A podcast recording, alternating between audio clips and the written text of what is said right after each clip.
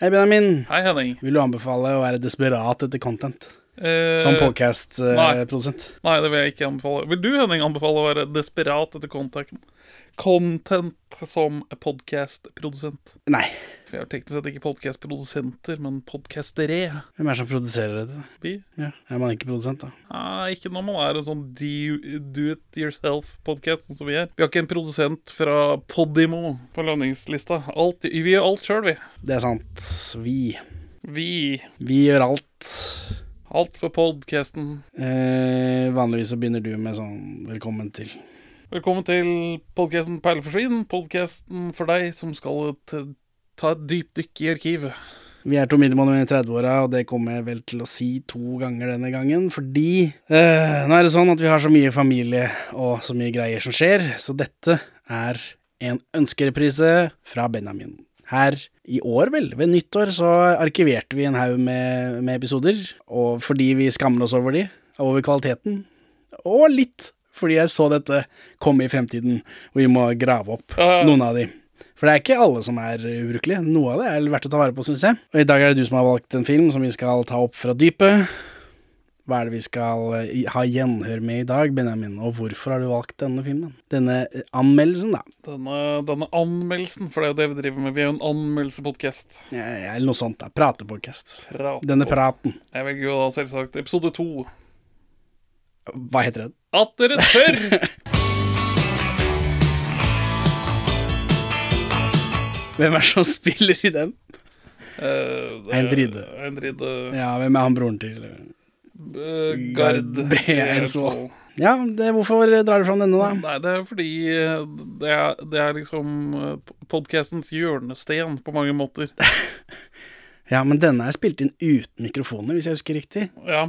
Det er bare opptakeren midt på bordet. Og dette, dette blir ikke, for min del så blir ikke dette det første gjenhøret. For jeg har jo lyst til å se denne på nytt, og spille inn en ny episode på denne etter hvert. Ja, så da vil du ha denne, denne gamle episoden i hovedfeeden. Ja. Så du kan peke tilbake på den. Da får vi høre på den, da, så får vi håpe at vi kan komme sterkere tilbake neste uke med en ekte episode. Eh, Faen meg lov å hoppe. Altså, i i TV-verden så eh, Etter sju sesonger så kommer han jo opp i syndication. Så når er det vi kan gjøre det med podkasten, og bare Nei, det la den gå i en evig loop? Oroboros podkast. Nå har jeg jo tenkt at dette At i år skal være en sesong hvor vi liksom bygger opp til Mot i brøstet. Det kulminerer, kulminerer med at vi ser første episode av Mot i brøstet. Som alle podcast-sesonger burde kulminere. Så da er vi oppe i tre sesonger, da. Om fire år til, eller noe sånt. Ja. Hvis vi holder sesongene til ett eh, år av gangen. For denne Olsmann-episoden og Olsmann-sesongen er jo to år. Ja, det, det fikk jeg veldig vondt av, i hvert fall. ja, men prosjektet tok så lang tid. Det kan jeg, jeg kan ikke noe for det. Ja vel. At dere tør. Vær så god. God pod. Sitter dere her og ser på ballet? Er ikke det litt perler forsvinne? Hæ? Kom inn her, så vi kan få snakka. Det er så mye folk der ute. Og så kommer du dissende med en geléklump til middag. Ramme noe baklengs inn i fuglekassen.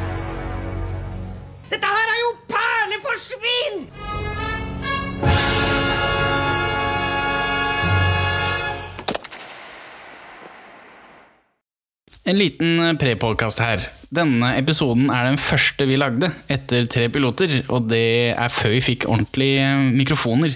Derfor er ikke lyden den beste. Men innholdet er på topp som alltid.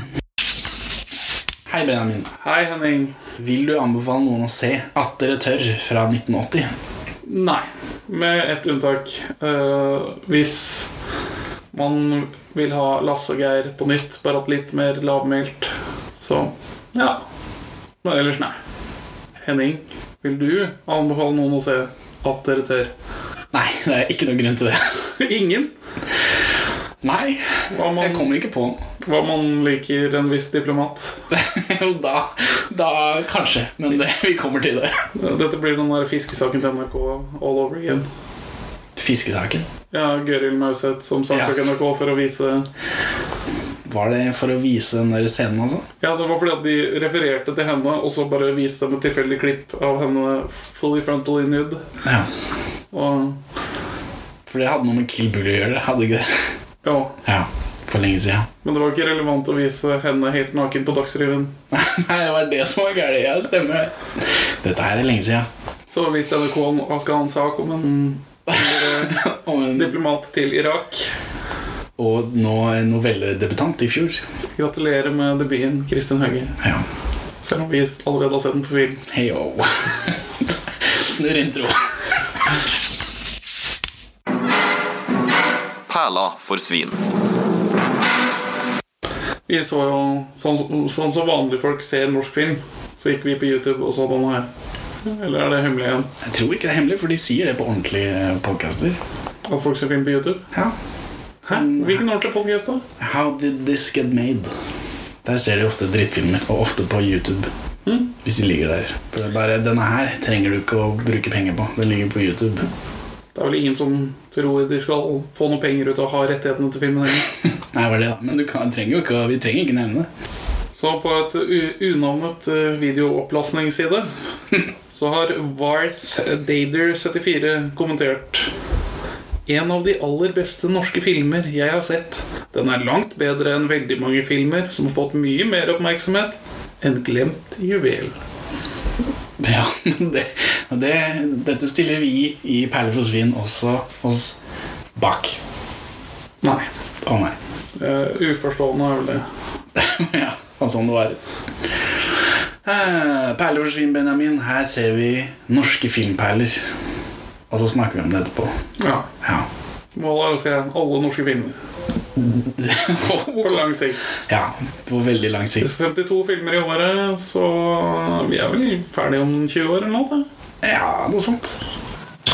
Fy faen, er du helt dum nå? Hva heter den filmen? At dere tør. Og overalt på internett så står det med utropstegn bak. Mens på sjølve filmen så var det tre prikker.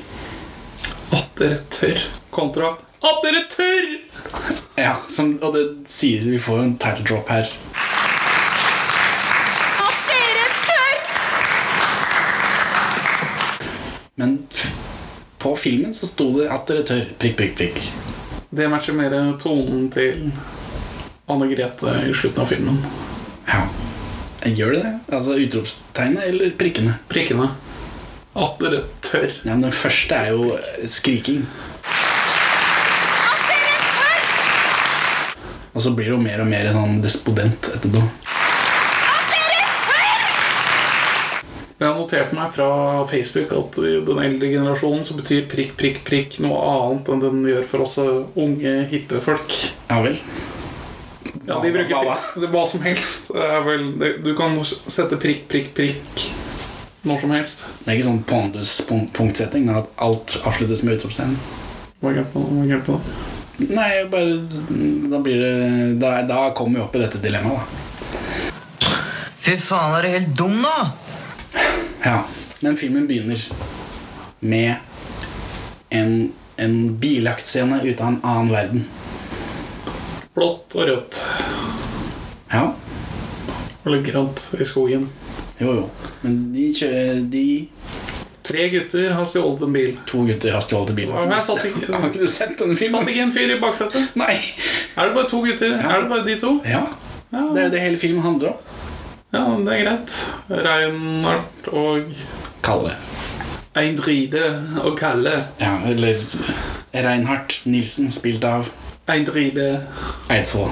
Eindride Eidsvoll. Ja. Broren til Gard Eidsvoll, som, En av- som er en fyr som man har sett, men som aldri har gjort noe som du s- kjenner han fra. En av 27 eindrider i landet. Ja.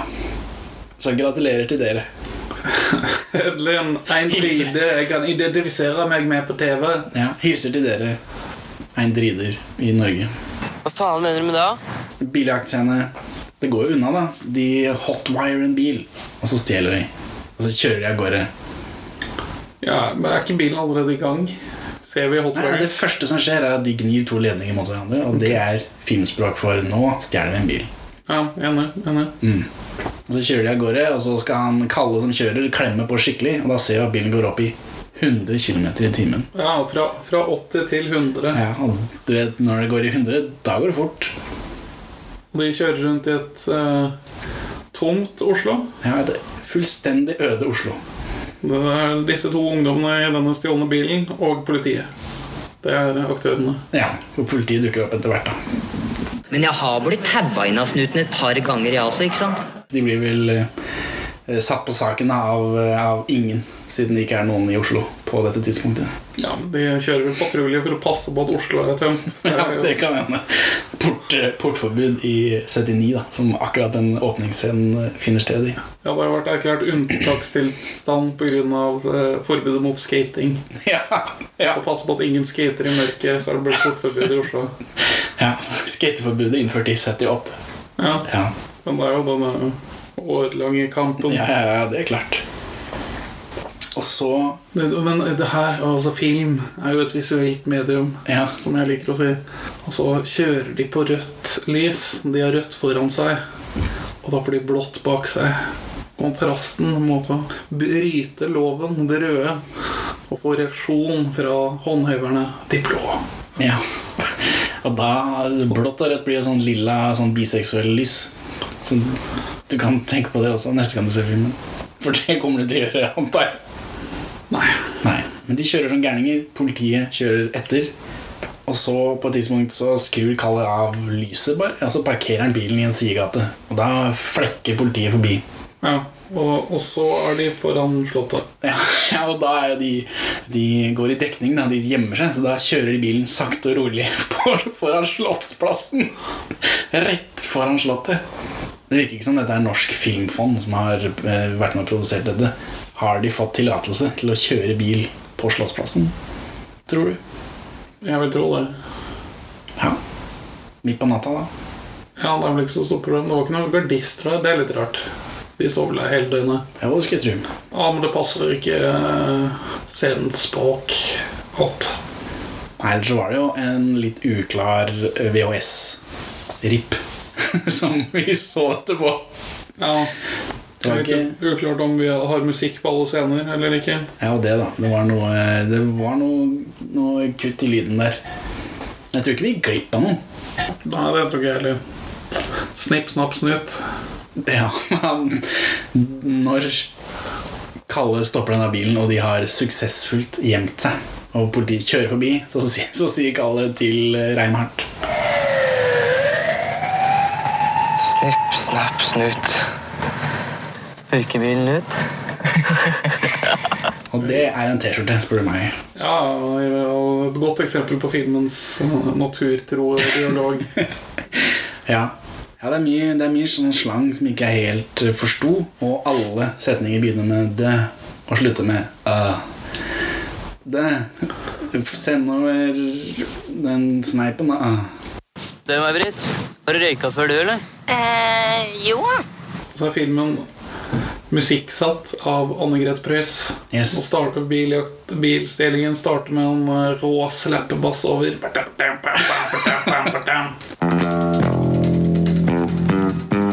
Ja, musikken eh, Det som ikke var klippet bort, eh, var jo ikke, det var ikke det verste jeg har hørt. Det er en karakter også som heter Anne Grete i denne filmen. I tillegg til at Anne Grete Preus dukker opp med bandet sitt.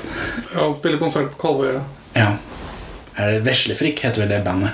Jeg vet ikke om det eksisterer. den er jo- har Jeg vært så- følger så ikke lenge. Anne Grete i sosiale medier, så jeg vet ikke. Nei, ikke jeg heller, men eh, jeg, ja, jeg lever da i verden. Filmen er basert på en bok. Har du, har du tittelen på den?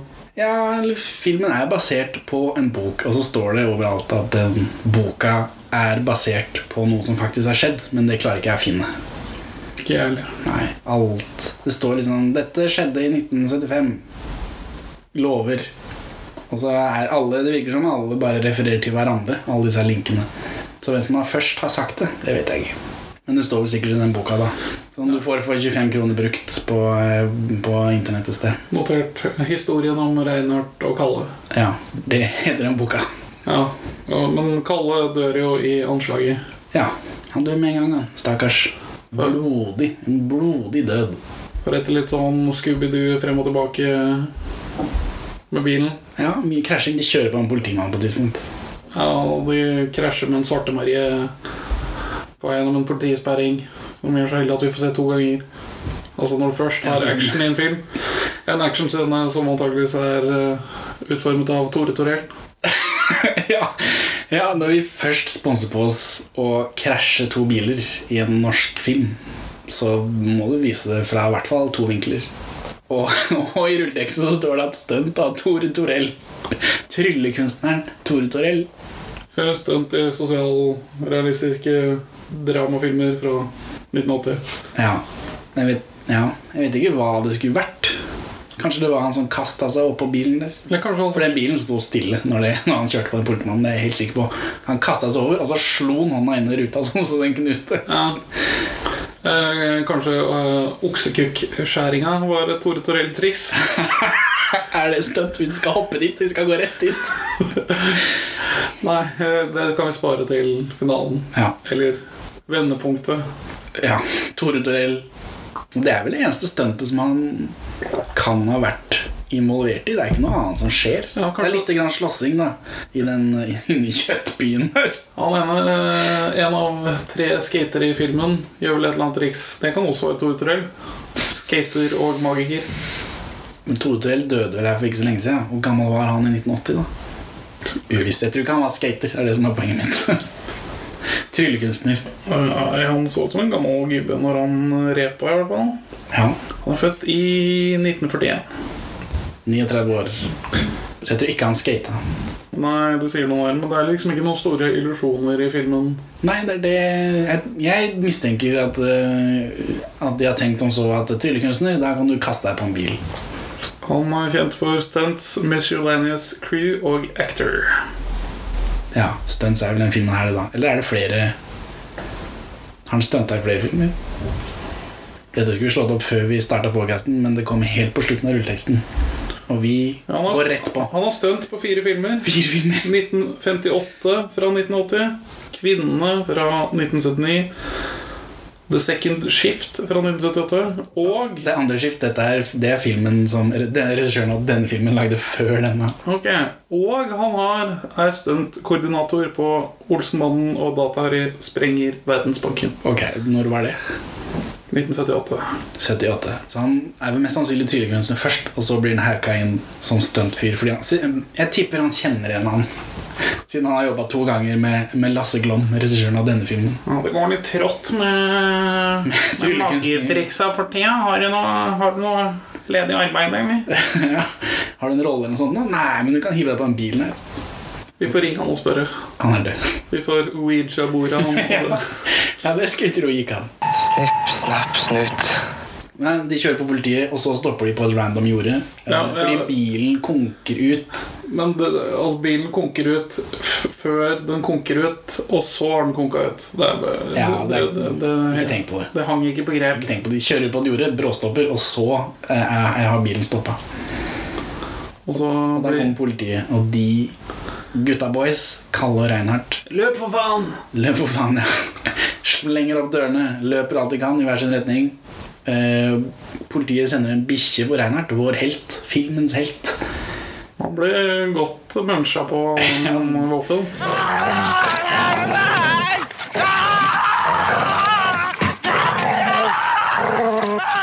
Ja, det, det er blodige greier. Det er 18-årsgrense. Det kan jeg nesten forstå. Ja. Av flere årsaker. ja. Men også det, det, det begynner såpass hardt, da. For dette er jo kanskje de første fem minuttene. Han blir mørsa på denne bikkja. Blod til alle kanter. Og mens det skjer, så blir Kalle kaldblodig plaffet ned av onkel politi. Nei, Vi får ikke se det, da. Vi hører bare skuddet mens han er opptatt med bikkja. Ja, ja. For, Og så- for da måtte de investert i en proppistol. Ja, og så står masse politifolk Eller han har blitt hanka inn. Ja, for han, han ligger og blir eh, spist på denne bikkja, og så kommer to politifolk og tar han. Sånn som politiet gjør. En i hver hånd liksom, og oppunder armene. Og så går de bort til der hvor Kalle ligger og dør. Og så står det masse politifolk rundt, og så slipper bare politiet Reinhardt. Så han får gått bort til sin venn og satt seg ned og, og snakka til han mens han dør. Og så den antatte skytteren, som da sikkert er Tore Torell, siden Men han må ha gjort stuntet, I guess. Står og uffer seg inn til tre. En annen politimann står og Ja, eller passer på Det virker ikke som de gjør noe fornuftig. De bare venter på ambulansen, som kommer ganske raskt. Til å være ute på Bygdøy. To stykker. En en kommer ryggende, og Ja.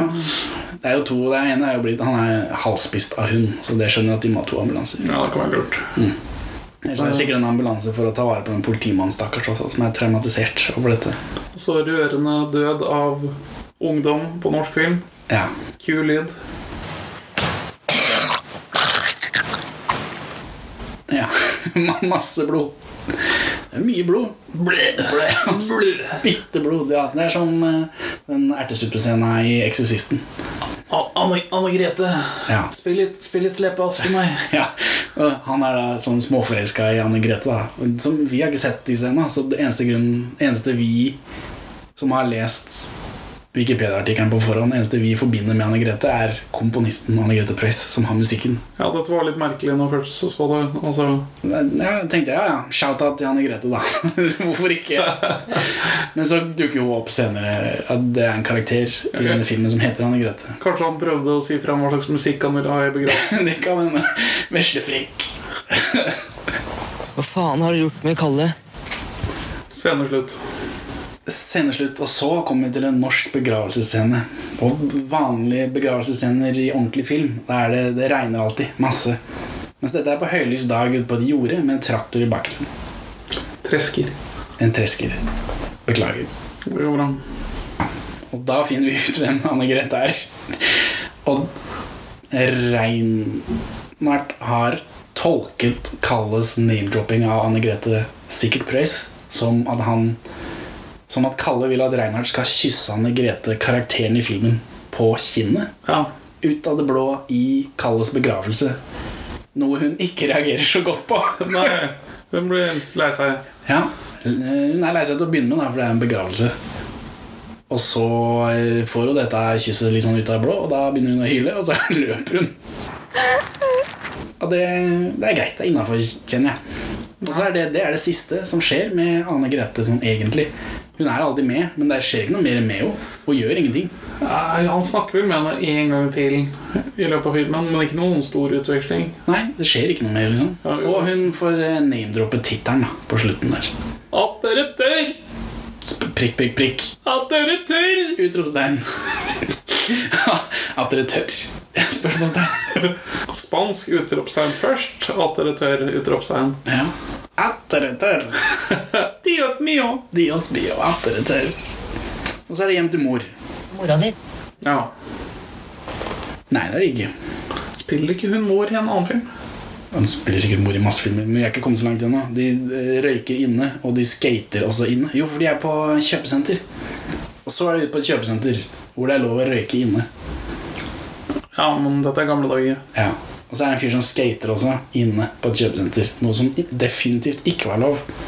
Men han var vel såpass rebell at han gjorde det likevel. Ja, for det er jo dette forbudet, da. Ja. De har vel prøvd å gjøre det til en atten- eh, til en ungdomsfilm selv om den har 18-årsgrense. Ja. Ja, ja.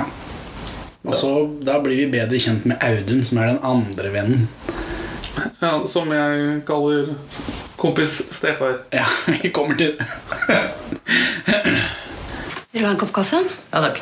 Eh, og, s- og da kommer også eh, Anne Grete med sin venninne, eh, som ligner forbausende på Glenn Close. Så det er det eneste jeg har i notatene mine.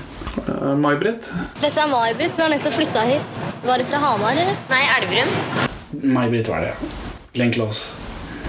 Eh, og Glenn Close er akkurat flytta til byen. Og er selvfølgelig uskyldsren og fin. Du, May-Britt. Har du røyka før, du, eller? Eh, jo.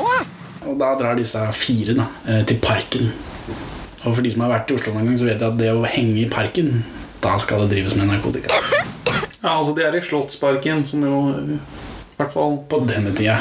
60- og 70-tallet var et sted hvor folk satt og røyka hasj. Ja. Men gutta i parken i dag også eh, Nå er det ikke så mye hasj, kanskje. Da. Eller, det- det er det selvfølgelig. Men eh, gutta i parken er jo en gjeng alkoholikere som sitter gjerne nederst. Så sitter de i parken, selvfølgelig, og Glenn Close får sitt første drag av jazz tobakk. Koster som et lokomotiv. Ja, ja. ja det, er mye, det er mye slang som går rundt der. Mye sånn eh, 80-tallsslang. Ja, kan ikke, vi ta og spandere på, kan ikke dere ta og spandere på et raid? Ja, et raid. Hva er det det betyr?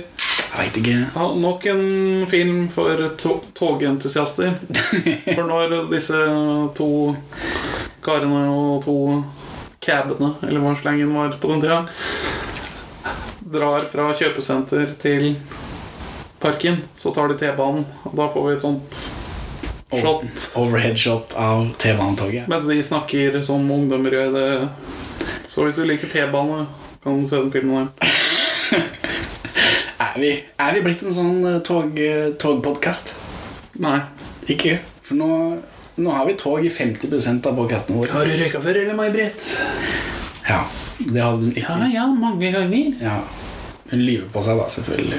For det gjør hun. Men eh, ja, Skuespillet i denne filmen er noe så sånn som men akkurat den linja der Jeg skjønte veldig godt hva som skjedde. Hun sa ja, men mente nei. Ja, det, var- det var tydelig. Veldig tydelig. Så det skal hun ha, da. Jeg ble iallfall ikke forvirra. Selv om ikke det lå så mye mellom linjene heller. Nei. Så bare prøve flere ganger. Ja, Det ble- gikk jo bedre og bedre. På tredje draget så tror jeg hun var ekspert. Ja. Ja, hva var det du sa kompis stefar heter? Audun. Audun. Gi faen av Reinert. Før eller seinere får han seg en på kjeften allikevel. De sitter der og chiller'n i parken. Ja, akkurat sånn sitter de. De sitter og chiller. eller? Chiller'n inne, bro. Ja, det er ikke på FaceTime, de sa. Ok. Nei, eh, May-Britt er fra Elverum. Ja. Men så kommer den eh, svarte Marie, altså politiets kassebil på tiden, kjørende langs stien i parken. Volvo. Volvo kassebil. Og da blir uh, Eintride blir veldig stressa, mens onkel Stefar Audun Ja, for på dette tidspunktet så er liksom saken Han Reinhardt venter på å få vite når rettssaken hans er. Så han er egentlig ferdig med politiet, men han har litt sånn dårlige vibber da, rundt politiet likevel. Fy faen, jeg ser purk overalt! Så det har gått litt tid imellom åpningsscenen og det vi ser nå. Så er onkel Stefar sånn Ja, men de tar ikke og hanker deg inn for ingenting. Bare kulen, da. Ja, Played cool. Og, og så står Svart-Maria og skiller han ganske lenge. Og så bare rusher han de ut på gresset. Og eh, de fleste av dem flytter seg. Mens De som ikke flytter seg, blir påkjørt. Ja. For sånn var politiet på 80-tallet. Sånn er det sikkert nå også. Ja, ja. Kul lyd av arrest. Faen! Helvete! Jævler, er dere helt gærne, eller? Kjører jo litt på dama mi, jo! Ut av parken. Faen er det vi har gjort for noe gærent, da? Der kjenner vi trynet på. Ja da, jeg kjenner dere også. Jeg veit hva faen dere skal åsne på det jævla døkkeskjønnet! Ikke faen! Nei! Nei! Faen! Jævla Nei! Faen! Jævla Nei!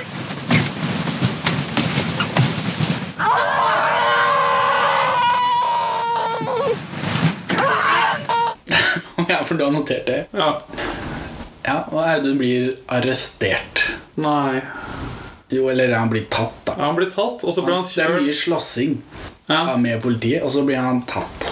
han, han blir tatt, for han, han blir ikke kasta på glattcelle. Han blir sånn som politiet gjorde med junkier i gode gamle dager. Og man kjørte dem dypt opp i Maridalen. Og tok skoa hennes, tydeligvis. Så de måtte gå hjem til byen igjen. Ja. For da slutter det sikkert med knerk. Om Ja. man ikke har sko og er sliten i beina. ja, ja. Blir iallfall motivert da, til å slutte. Det er sant. Jeg tror det var det som var tanken bak det. Litt eh, motivasjon. Ja, og så kommer han tilbake til sin junkiebule, hvor gjengen henger. Ja, Uten sko og sokker. Så kommer dama hans opp til han og sier Hva hva har skjedd med skoene dine? Hvor har du vært? Og da svarer han med en Frank Zappa-referanse. I had my first taste of big city life, sier han. Og det stakk seg veldig ut, så det måtte vi google. Ja, men det, det, det hang liksom ikke på greip. Hvorfor er det å miste skoa En smak av storbylivet. ja, og ja, Han sier òg at han har røyka de. Ja, det sier han etterpå, som å forklare det referansen, men det hjalp oss ikke, ikke noe. Så det er noe Frank Zappa sier i den sangen. The evil dope pusher is cutting up a white gym sock formerly owned by Carl Zappa. Jeg antar dette er faren til Frank Zappa. And still damp. The shredded sock will be placed inside of a high school diploma and ignited with a sulfur preparation. His first taste of big city life. Oh yeah. Dette var fra låta Dummy up. ja, fra 70 noe. Fire. 74. Jeg vet ikke, var Frank Zappa såpass godt kjent i junkie ungdomsmiljøet på 80-tallet at du kunne dra den referansen og folk forsto det? Jeg har inntrykk av at mange norske gamliser liker Strømstappa. Og de, de som var gamliser i dag, var fortidens sparkdrinker. Ja, det er sant. Men det er, ja, nei, det er, det er vanskelig for meg å se for meg hvordan den kollektive bevisstheten eksisterte før internett. Ja. på en måte. Var, det, var, gikk alt, var alt kronikkbasert når man ikke kunne tweete? Antageligvis. Vi får spørre besteforeldra våre om det her mens de ennå lever. Ja. Men enn så lenge tilbake til filmen. Ah, At dere tør! At dere tør! Eh, han får lest opp dommen. Men nå har vi hoppa over den scenen hvor de sitter inne, og du tror han er sviger. altså. Ja, nei, for den, den, er, den skal vi komme til nå. ja. Og Det var den jeg trodde vi skulle begynne å prate om. Ja, ja, vi kan ta den, da. Samme faen, det er ingen som kommer til å se den filmen her likevel. Så Eindride er sur. Reinhardt. Karakteren Reinhardt Einhard Eindride. trakk en feil på å få en drite. For jeg, jeg vet jo ikke hvordan man uttaler navnet Eindride. Du, Eindride drives av Electric Sheep, en kjent bok av den som, det som ble filmen Blade Runner. Ja. Philip K. Dick. ja. En drite? Er det noen andre måter å uttale det på? da? Men det må være et sørlendingnavn. Eindride. Men han er jo ikke sørlending, han broren hans. Som vi har Eller, sett i andre ting. eller Eindride i filmen. Han har ikke For noe så skjult skarr. Det kan hende han er skuespiller, da, så han har gjort om dialekta si til storby-Oslo-slang.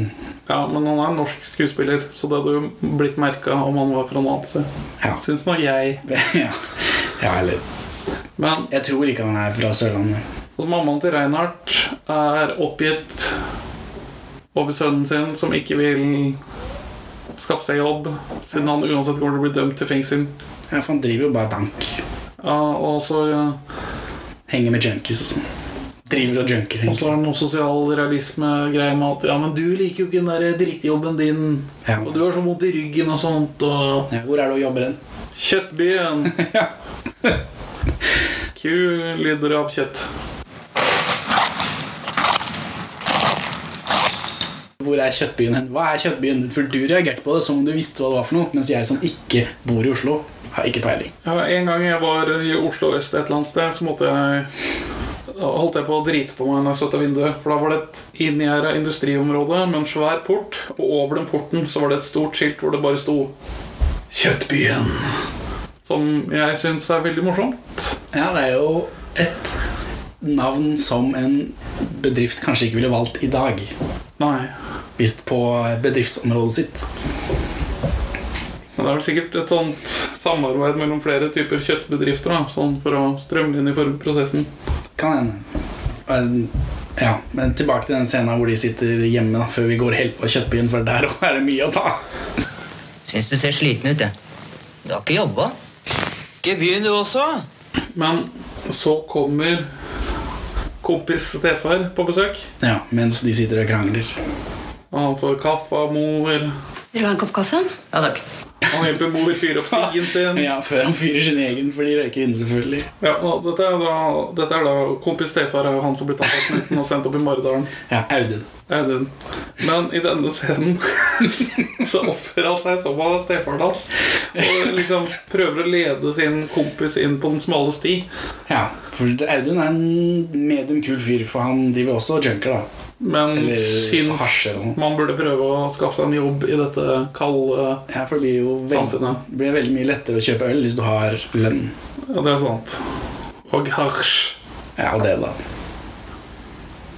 Ja, Vi får vite prisene på øl, men vi vet ikke hva en bønne koster i datidens Oslo. Nei, det er sant. Prisen for øl var 29 Nei, 28,90 29,80.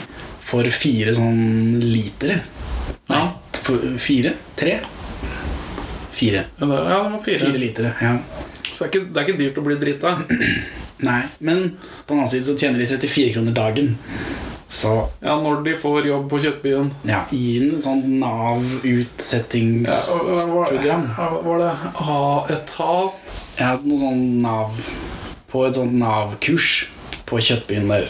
Ja, for man kan sette seg på liste for å få opplæring, og så da betaler staten for at du får opplæring. 34 kroner om dagen. Og så får de de 34 kronene i lønn. Så De reagerer på det, da. At de ikke får At han eh, kjøttkongen Som han sikkert heter. Han, han- Kjøttborger- Kjøttordføreren. ja, kjøttordføreren i kjøttbyen. At han eh, har det der gratis, på en måte. Ja, for, for Reinhardt drar først på arbeidsformidlingen. Og så metoo-er han om Siri. Ja, Han treffer Siri i døra der sånn. Ja, Du trenger ikke å ta så hardt i den døra her. Ja, For de drar i hver sin ende av den døra, og så, Har du fått deg en jobb ennå? og så snakker de sammen som om de kjenner hverandre. Men jeg tror de bare er hyggelige. Ja. Fordi det var en litt sånn klein situasjon der sånn. Skal du ta og stikke meg forbi, da? Ja, Og så er de hyggelige igjen. Det var litt sånn metoo-ish i jeg vet starten. ikke, altså. Han sto foran døra, men med en gang hun ba om å flytte seg, så gjorde han jo det. Ja. Jeg tror, ja Og det, hun, hun får seg jobb. Hun får seg jobb med en gang, for hun er et normalt menneske som ikke røyker hasj. Nei, han har ikke sånn mega-afro. Ja, det, er- det er mye hår i den filmen. Jeg har ikke sett så mye hår jeg siden Døden på Oslo S. Eyo. Ja, nå tenkte jeg på hodet til Håvard Bakke, men eh, den andre også. Jeg sa til Reinert at det er ledige plasser på opplæringskurs nede på jobben hos oss. Dere skulle ikke prøve det, begge to? Tja, kanskje vi kunne jo prøve. Koster ikke noe, det. Har du mista gangsynet fullstendig nå? Eh, Det har vært på arbeidsformidlingen eller noe sånt. Stemmer. Ikke fått jobb. Kompis Stefar og Reinhardt drar på Kjøttbyen. Ja, for der har mora til Reinhardt tipsa dem at her er det sånn kurs. De kaller det kurs. Ja. Men det virker som det Seks bare er ukers sånn kurs om å gjøre dritt på ja, Kjøttbyen. de vasker gulv og sånn, virker det som. Ja, og så får vi noen sånne brutalistiske klipp av den moderne kjøttindustrien. Ja, for første gang dette kjøttbinggreiene blir nevnt, så går vi rett på døde, hele griselik som svis. Ja, og industrielt De griller, vaskes og ja, eller de griller vel håret av dem, tror jeg, til å begynne med. Og så, og så er det liksom Det er mye håndtering av, av døde dyr som er uvanlig å se. Ja, altså, jeg, jeg setter pris på at man får vite hvor kjøttet kommer fra og sånt, men Ja, det er jo veldig ubehagelig. Det gjør noe med deg, på en måte. ja, men det kom Det er vi, Litt det er vi, ut av satt, det blå. med, det er vi satt med hver vår grill- grillpølse. Mm. Jeg var ikke forberedt, nei. Det er helt riktig. Og de bruker jo altså den kjøttbyen hver gang noen skal ligge med hverandre. Så kutter de rett i kjøttbyen. De to første gangene noen har sex i filmen, så går det rett fra klinings til klipp til Kjøttbyen med romantisk musikk over. Ja, Den romantiske musikken blør over fra forrige scene til Så det Til brutale bilder av hvordan man behandler dyrelik. Ja. Så det, det er det, Hæ? Altså, er det symbolsk om at løssluppen sex i dette nye, frie Norge Er som Industriell kjøttproduksjon? Nei, det er, jeg tror Grisene er nakne, da. Jo. Jeg tror eh, de bare vil drive historien fremover. Tenker at Vi har ikke, har ikke tid til symbolikk. Vi må bare kutte videre. Har ikke tid. Men det er påfallende at de gjør det to ganger. Og Sex, Altså, så brått. ja, sex er lik klaske griselik, har jeg skrevet her. Ja, for de begynner å kline, og så skal det, da skal det pøkes. Og da kutter vi rett til noen som hiver et griselik på en annen. Ja, for den første gang det skjer, så er det vel med May-Britt Med Glenn Close, ja. med Glenn Close som de diskuterer postran for å bli rike, og så blir det god stemning av det også. ja. Og så er det bare å kjøre på, da. Q Kjøttbyen. Oh, yeah. Og så kommer den merkeligste sekvensen i hele filmen. Etter at de har skrevet seg på lista, så går de og ser på behandlingen av storfe. Ja. Og så eh, Kompis Stefar snakker om Audun. Se på, se på den der, ja. Den var svær. Ja, eller f- før så langt. De går ut i hallen her sånn, og så går vi rett på nærbildet av oksepenis. Ja. Og så kommer han og sier se på den, så svær den var. Dæven, sier han karen der. Faen, den er jo nesten halvmeteren, ja. Og så kommer det en annen fyr, som jeg mistenker er kameraten til faren til Pelle i Pelleproffen, men jeg har ikke klart å bekrefte det. Som tilbyr seg å- å gi disse gutta den ja. Spør om du vil ha den uten å vente på svar, så går han, og så får vi et langt nærbilde av å skjære oksepenis av okselik. Fint eksemplar, dette her. Vil dere ha kuken, eller? Og så pakker han den inn som om de har vært på kjøtthandelen, og så Og så drar de i butikken for å kjøpe øl. ja, ha, Onkel, onkel Stefar, kompis Stefar, har ti kroner. Ein Dride har 20 kroner. Ja, og det holder jo til fire. Ja. 29,80. Og så kjøper de øl, og så går de til kassa. Og så er, er de De er jo tross alt ungdom, de liker å finne på litt hyss. ja, dette er hyss. Dette er definitivt hyss. Ja. Det, dette er Men de åpner jo filmen med at de stjeler biler og blir skutt og drept. Og så går vi til rampestreker et stykke uti. En eller annen vits om at man ikke trenger å gå til en pornokonge for å få tak i oksepenis. Hvis Ja. man får tak i oksepenis her og nå isteden. Kul vits som ikke fungerer. Her er godt å ha en i reserve, vet du. Så slipper du å gå til Leif Hagen. Jeg mener hvis du skulle ha behov for det, da. Lykke til. Ja. Nå husker jeg ikke hvem det var som ble referert til i akkurat der. sånn Erik Hagen. eller? Ja, Hagen, Pornohagen, stemmer det. Ja, Pornohagen. Det er et navn som er mer kjent. Faren til Mette-Marit. Nei, jeg vet ikke. Nei, nei, Leif Hagen. Leif Hagen. Ja. Erik Hagen er sikkert noen andre. Da. Beep. Sånn at jeg kan legge det over etterpå. Ja, nå kommer pipe. Hei dere, dette er hjemme hos Dennis Storhøy. Legg en beskjed etter pipe, og her er pipe. Her kommer pipa. Eh, jo, de, de refererer til Leif Hagen. Også kjent som Pornohagen. Men dette var en referanse som er utgått, tror jeg. I hvert fall nå. Jeg skjønte ikke hvem Leif Hagen var før jeg slo det opp. Og tenkte aha, dette har jeg jo hørt om. for Han var med på The Man Show for mange år sia. Ja, Den moderne referansen ble man trenger ikke å dra til Rocco. Ja, den nå føler jeg er utgått, altså. Ja, Vi har ikke noen nye pornografer. Nei Jeg tror I gamle dager så var det sånn vanskeligere å få tak i dette. Så da måtte du ha en lokal pornograftype. Ja. Men nå er det jo internett, liksom, så du trenger ikke Dæven. Men ja, de, de står i kassa på Imi. Irma. For jeg klarte ikke å Irma. Irma 1000. De kaller det Irma. Men er ikke det, er ikke det et radio... Ja, hun sier at hun har fått seg jobb på Irma. Jeg trodde dette bare var et radioprogram. jeg. Ja, nå må jeg slå opp det jo, da. Kanskje De må ha tatt det fra sted, sikkert. Første som dukker opp, er norsk radioprogram på nett og som podkast. Oi, oi, oi. Skal ikke reklamere for andre podkaster her. Irma AS. Fokus på dagligvare i høy kvalitet. Irma er en dansk supermarkedskjede som eies av Coop. Ja. På en bygning på Nørrebro i København henger den fredede neonreklamen Irma-hønen. Det er det som står. De er på Irma 1000. Kjøper fire øl. For de 30 kronene de klarer å skrape seg imellom. Ja. 28,90. 29,80. Og 30 kroner i- på 1980-tallet kan du betale i lapper. Det, Så jeg. det stemmer. Ja. Gamle dager, Og ass. så ser de litt lurt på hverandre, mens Men for han har fortsatt den oksekuken under armen i papir, da. Og så når, mens han betaler, så slenger han oksygen ned på sirkelbåndet. Ja, for dette er før Rullebåndet. Ja. Og så pakker han den opp demonstrativt. Og så da begynner hun dama å hyle, for jeg hadde ikke, jeg tror ikke jeg hadde automatisk gjenkjent dette som en penis. Men det Den er jo, hal- den hadde ballene òg. jo, jo, men allikevel. Det er jo noe innvoll, Grotesk. innvoller av et eller annet slag. Det hadde jeg skjønt. Q. Lyd av dame som blir skremt av oksekuk.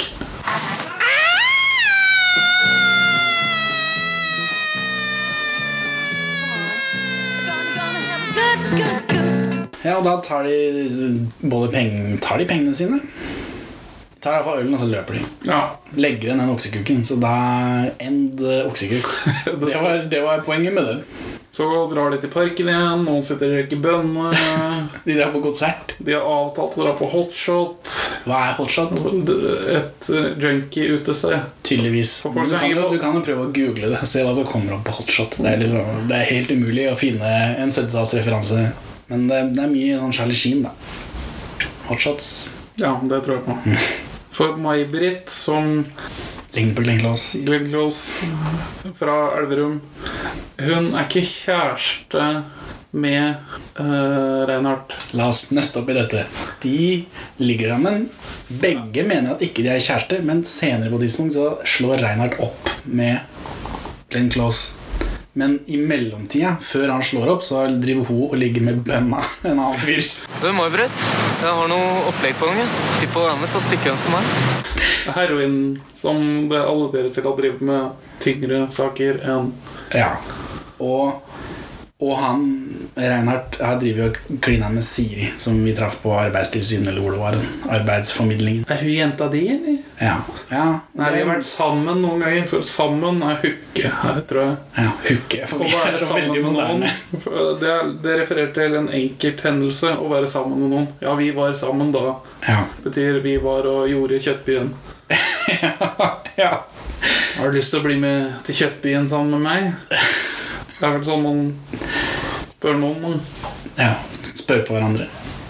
Men ja, for det skjer nå når de er på konsert.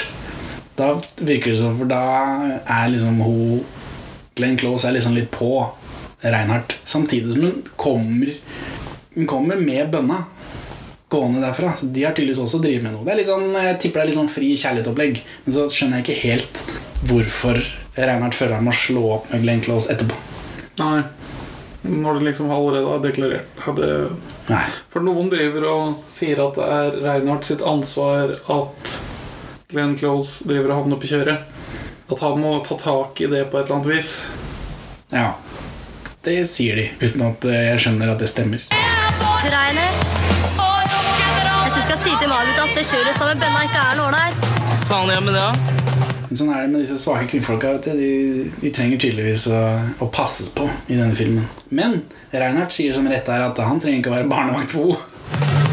Faen heller, da. Selv om jeg har vært sammen med et par ganger, så er det vel ikke meningen at jeg skal være barnepike for deg, eller hva? Bonofitta. ja, det blir også sagt, men jeg husker ikke konteksten. Ja, det er noen han slår opp med. Å ja. ja, ja, Jeg burde ikke drive og henge sånn med han bønna. Han driver med sånne harde saker. Du driver- du blir sånn bla, bla, bla, bla, bla. Eh, Stikk, da! Bondefitte! ja. ja, det er sant. Det blir sånn dårlig stemning der. Du, de der folka du og Bønne er sammen med, de pusher stort, altså.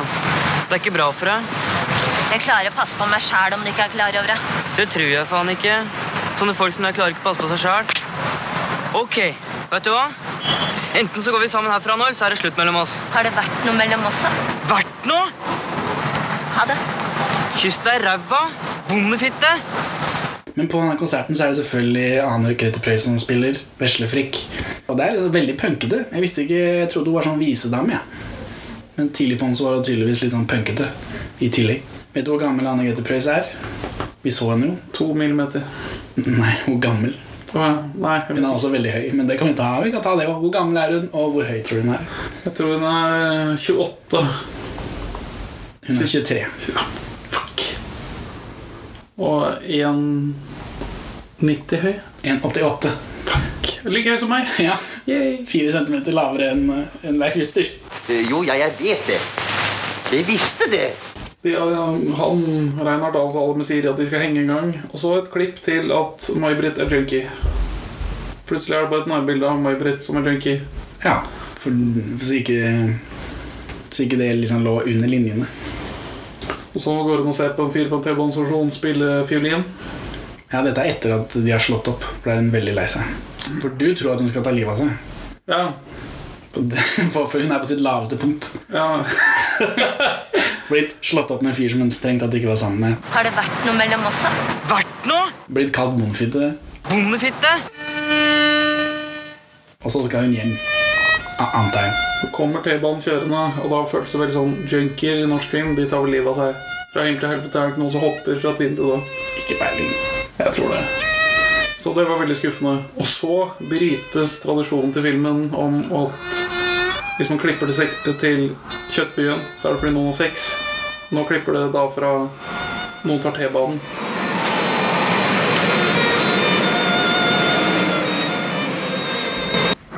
Til Kjøttbyen.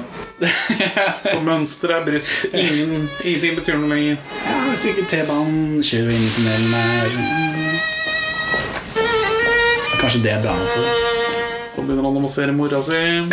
Vet du, jeg har vondt i ryggen. jeg. Er du snill å massere meg litt? Eh, Her. I nakken. Audun og Reinhardt er på bar og prater om systemet. For eh, Reinhardt ble veldig trigga til en fyr som bikkja si på bar. Men jeg har blitt tabba inn av snuten et par ganger, jeg også. ikke sant? Og det eneste jeg sier, er at du må ikke se deg blind på den og den snuten med den og den bikkja. Å nei vel, nei, jeg må ikke det, nei. Fy faen er det når du prøver å si nå? La oss si det sånn, da. Du har full rett til å hate han der snuten.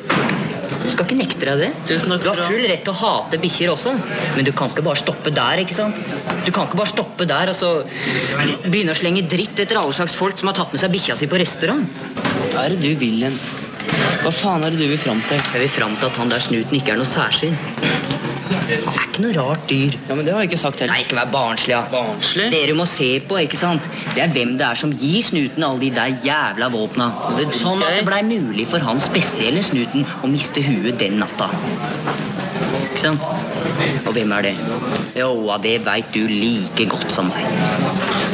Den som sitter med skylda for det, det er ikke noen forvirra og skremt snut som hater biltjuver. Ha, nei da. Da må du høyere opp, da. Opp til dem som bestemmer, ikke sant? Skjønner du det, eller?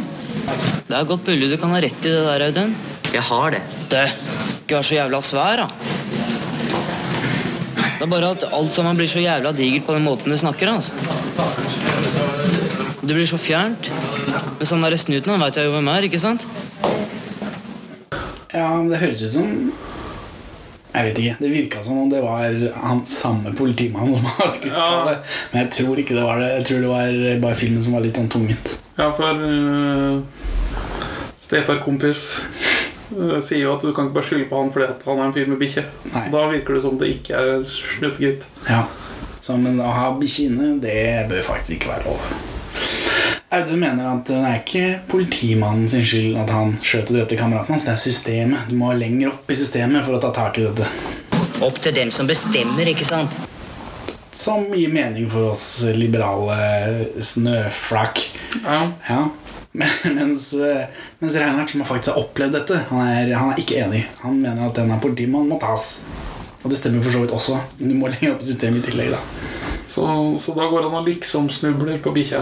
Ja, han går liksom og, og tupper borti denne bikkja, da.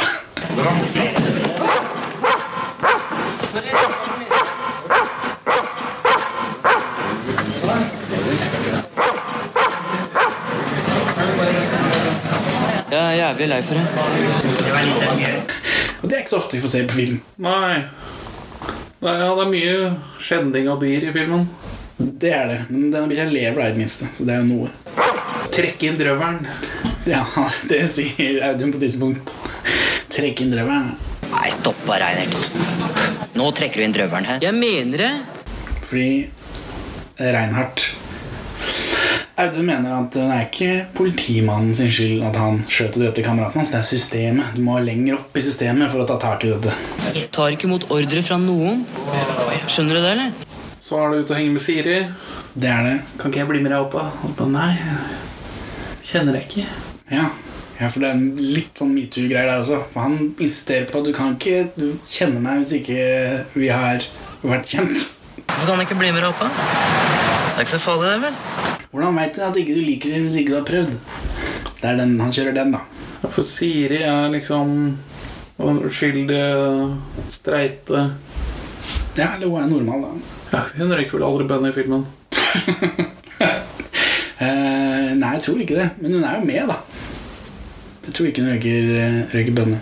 Siri, spilt av Kristin Hauge. Diplomat til Kabul i 2008 til 2010. Nå sjekka jeg ikke IMDb-en hennes, da, så jeg vet ikke om hun har gjort andre roller i tillegg. Nei. Eh, Men hun debuterte en novellesamling debuterte i 2018. Gratulerer. Det er det, Når jeg googler navnet hennes, så er det det som kommer opp. De nevner aldri at hun eh, var naken i en film i 1980. Det er liksom, det er diplomat, og at hun er utdanna statsviter og har debutert med bok, og det er det det går i. Ikke denne nakenheten. Så det, Jeg vet ikke hva det sier om norsk presse. ja. Det er jo bra. Men det er jo neste gang de møtes at det blir hanky-panky. Jo, jo. For nå kjenner de hverandre. ja, for han prøver å kjøpe øl fra henne, men han, hun vet jo at han er 17. Ja. Aldersbevis. Det er ikke tull, da. Aldersbevis. Jeg er 19. Det tror jeg ikke. Nei, men hør nå her, da. Ikke noe øl uten aldersbevis fra deg. Nei, men så gi faen, da. For han tror hun er kul, men det er hun ikke. Men hun er veldig glad og fornøyd da når hun liksom nekter han å kjøpe øl. Og så snakker de om noe ute som vi ikke får høre, fordi kamera og mikrofon fortsatt er inne i butikken. Men da blir de sånn gode venner igjen. da, Eller fordi hun nekter han å kjøpe øl. Han stormer ut, for han trodde at hun var kul. Og så sier hun bare til alle kundene som står i kø, 'vent litt', og så går hun òg. Og så treffer de hverandre ute, og så sier hun noe i stillhet. Eller som vi ikke hører. Og så sender slutt. Ja. Og så tar hun kontakt med han igjen. Og så fikk hun bare så veldig lyst på han når hun solgte grønnsaker i dag. Ja, for Hun forteller at etter at han dro fra denne butikken og hun pipa inn noen grønnsaker for en annen fyr, så fikk hun, så fikk hun bare så veldig lyst på den. Og da er det- da er det, da er det nakenhet. Det er, det er mannerumpe eh, og damerumpe og damepupp. Diplomatpupp. Diplomatpupp, det ser man ikke hver dag. Kjære, det kommer an på hvor mange diplomater vi kjenner sikkert, da, men, eh, men iallfall ikke for meg. Og da, etter at dette er over, så sier Reinhardt Kan ikke du slå inn noen grønnsaker på kassa i morgen også? For det var punchlinen, da. Så er jeg tom for notater. Nå står det bare 'rettssak'. Ja. T-bane, felegnukker, drept okse, 34 kroner dagen, slåssing. Her slåss man Ja. i kjøttbyen. Pass på deg sjæl! Nei, ja, da, da, det er to slåsskamper. Det er én slåsskamp når han redder bønna fra noe greier som ikke har noe å si.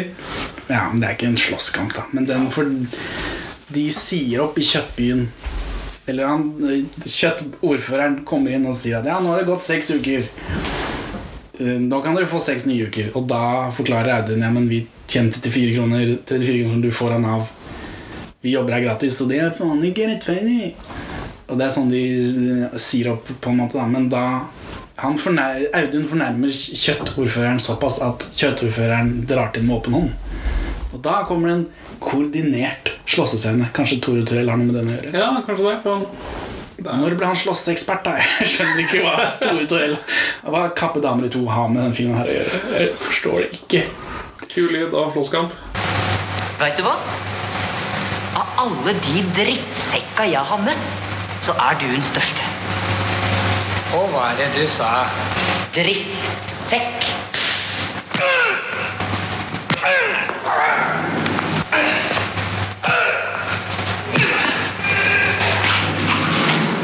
Kom igjen, altså, Stigler. Men det er, i hvert fall- det er mye veiving. Det klippes ganske hardt. For de har ikke klippet så veldig. Det er mye lange scener. Men akkurat her så skal det klippes. Og når kjøttordføreren blir slått ned, så tar han tak i beina til et av griselikene som henger fra taket. Og så blir han hengende der litt for lenge, og så detter han. Ja. Kom, nå stikker vi! Men før det så detter han også inn i kadaveret og mister lua si inni kadaveret. Og så stikker de selvfølgelig.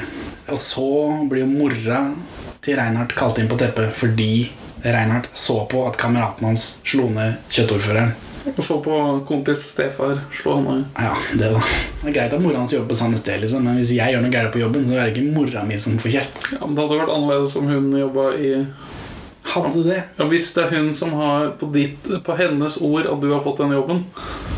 Men det var, var det på hennes ord, da? For det virka ikke som han kjøttordføreren var så veldig gira. Ja, Men han var ikke gira før han sa at ja, 'mora mi jobber her også'. Ja, kanskje. Men allikevel. Så hun har et sånt visst utvidet ansvar. Men det var jo ikke hun som gikk inn og sa 'Kan ikke sønnen min få jobb?' Det var han som sa 'Mora mi jobber her'. Ja, men Det har sikkert vært noe behind the scenes her. Kan hende. Ja, og så er det rettssak. For vi har hatt Og tidlig på så kommer den rettssaken til Reinhardt, hvor han blir dømt til 90 dager. Ting av fengsel Ja. med to års prøvetid. Ja. Og så nå, på slutten, om det kan kalles klimaks Hele tida så har de snakka om hvor m- mye får han politimannen i fengselsstraff. Han som skjøt Kalle. Carl Magnar Moen. I denne filmen som er basert på en bok Som muligens er basert på en eh, sann historie. om Carl Magnar og Reinhardt. Carl Magnar og Reinhardt, ja. Først så er det noen politimenn som forklarer seg om våpenbruk i politiet. Han som svarer mest på det, han er ærlig på at politiet bryter instruksen sin hele tida og ikke innhenter tillatelse som de skal. Ja, han syns det er helt greit. Ja, vi må jo beskytte oss sjøl. Ja, Vi har ikke tid til å innhente, innhente tillatelse. Vi har ikke tid til å ta ladegrep, Benjamin. Vi må ha kule i kammeret. Det høres veldig kjent ut. Ja, det, vi har hørt politiet slippe unna. Politiet, norsk politi har lov til å drepe. Ikke at meg Oslo-politiet opp. Ja, det dreper, dreper de så mye folk, da. Norsk politi. De skyter, Det er mye vådeskudd. De skyter hverandre. Ja, og så kveler en del folk. De har ikke lov til å gjøre halsgrep lenger, men hvis du ved et uhell gjør halsgrep, så slipper du unna. det var lenge siden nå, er det ikke det? Ja, det var i 1990 de kvelte en fyr, og så kvelte de en på 2000-tallet òg. Men da slapp dem òg unna. For i nødverge. Ja, men Han ene var vel litt mørkere enn andre også. Ja. I Amerika så er det jo svarte som får gjennomgå på denne skytinga, mens de virkelig undertrykte i Norge er hasjrøykende ungdom Ja. som stjeler biler. Og så um, vitner eh, Reinhardt om at de ikke var truende mot politiet, men s- kjør- kjørte dere ikke akkurat over han rett før? Ja. Det jo, gjorde jo det, sier han. Det svekker saken, hans vitneutsagn, bitte litt. Ja, På den annen side så var det jo ikke bevæpnet, og han ble skutt i ryggen. da Ja, det er litt ufint. Ja, De driver og prøver å avdekke om det er ment som varselskudd eller ikke. Men de sier at retningen ikke tyder på det. Men vi kan ikke fastslå at det ikke var ment som et varselskudd. Et perforerende ja, varselskudd. du kan jo liksom, Det er jo litt av en advarsel, det. da for en kul, kul i ryggen. Kul lyd av eh, Kalle som spytter opp blod.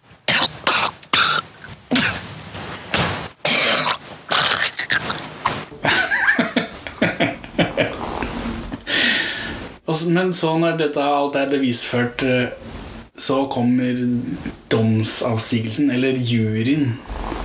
Meddommerne. Meddommerne. Er det meddommer? Sånn som juryer. Samme det. Dette kan ikke jeg noe om, kjenner jeg. Men det er i hvert fall en eller annen gubbe som leser opp alt som står i en ekte Altså alt som ville stått i en ekte domsavsigelse. og Det er altfor mye. Paragrafer og, og datoen gjentas om igjen og om igjen og om igjen, og hvor det var hen. Kutte ned. kutte ned Denne po- politimannen som skjøt Kalle, han er Og så dommen.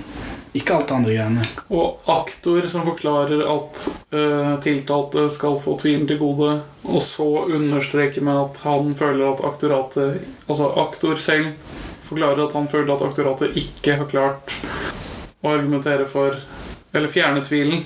Så han anbefaler at de sier nei på alle punkter. Og så en kjempelang opplesning. Og så nei på alle punkter. Er tiltalte skyldig? Nei, nei, nei.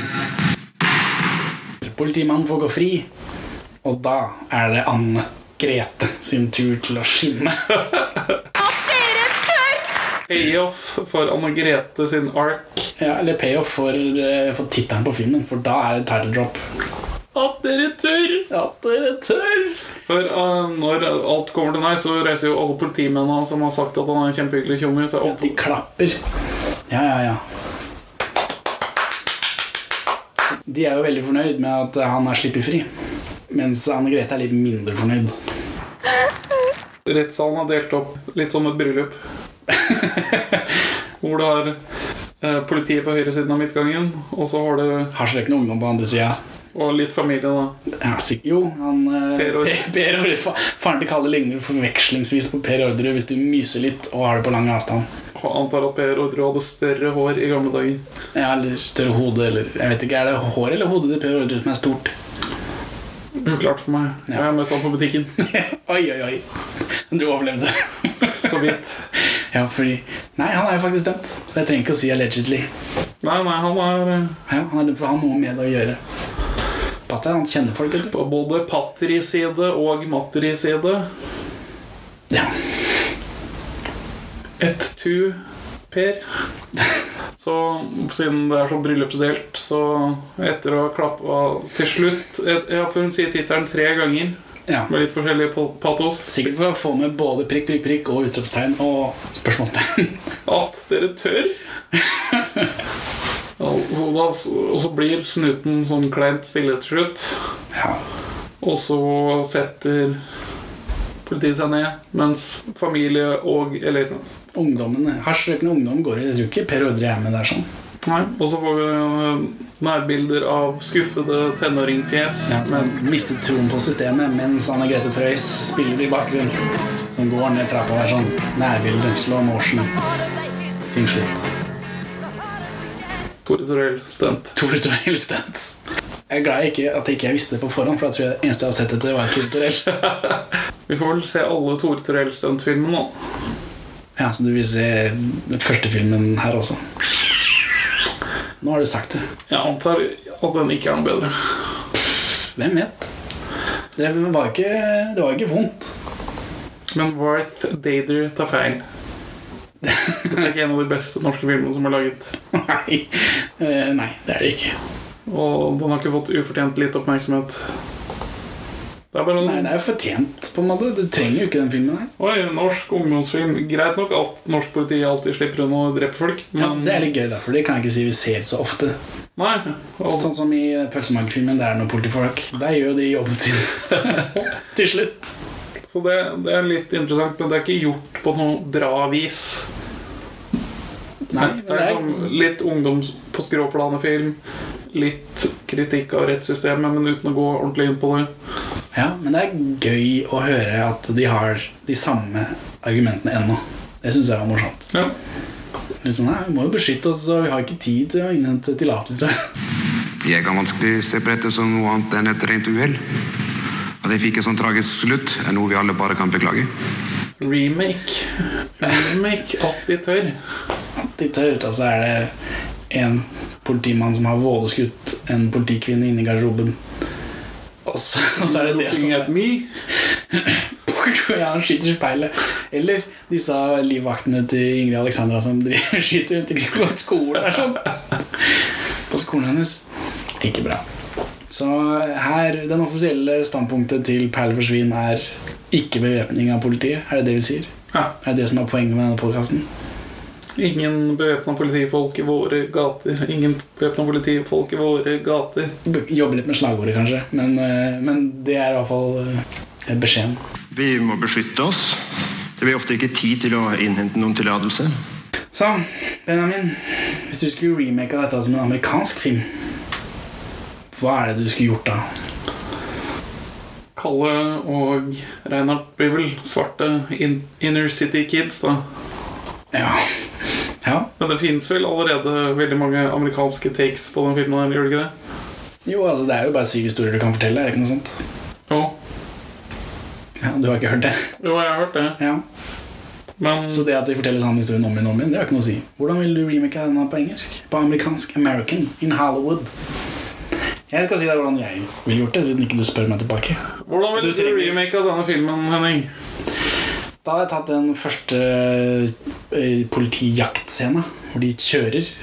Og så hadde jeg bare gjort det til Fast and Furious 10. Hele greia er det greiene der. De kjører rundt, krasjer i ting, kjører over folk. Uh, Vin Diesel er med, selvfølgelig. Eh, The Rock eh, Kanskje The Rock er på politisida litt igjen. Sånt noe. Så Bare i det. Ikke noe annet. Det er det eneste viktige. Så må de skru av lyset og kjøre inn foran Det hvite hus, da. ja, de kjører på plenen foran Pennsylvania Avenue der sånn. ja. Ferrari selvfølgelig, ikke Volvo. Nå var vel det Citroën det de stjal, da, men politiet har jo Volvo. Så sånn ville jeg gjort det. Ja, jeg har liksom ikke noe mer å komme med. Nei, ikke jeg heller. Så eh, vi sier ikke bevæpne i politiet. Du trenger ikke se at dere tør. Prikk, prikk, prikk. Eller utropstegn. Jeg var Benjamin. Og jeg var Henning. Takk for i dag. Takk for i dag. Takk skal du faen meg ha. Trekk inn drømmeren! Takk for at dere hørte på Perler for svin. Du finner oss på perleforsvin.no. Du kan maile oss på perleforsvinpod at gmail. Vi er på Facebook og Twitter under perleforsvinpod. Vi tar imot ønsker, tilbakemeldinger, spørsmål i alle kanaler. Gi oss gjerne toppkarakter i din lokale podkastavspiller, og legg igjen en anmeldelse så folk eh, skjønner hva for noe tull vi egentlig driver med her. Her er dagens eh, Pål Bang-Hansen-sitat ute av kontekst. Det var The Village People, og det er jo ikke helt sikkert at alle liker dem heller. Snipp, snapp, snut.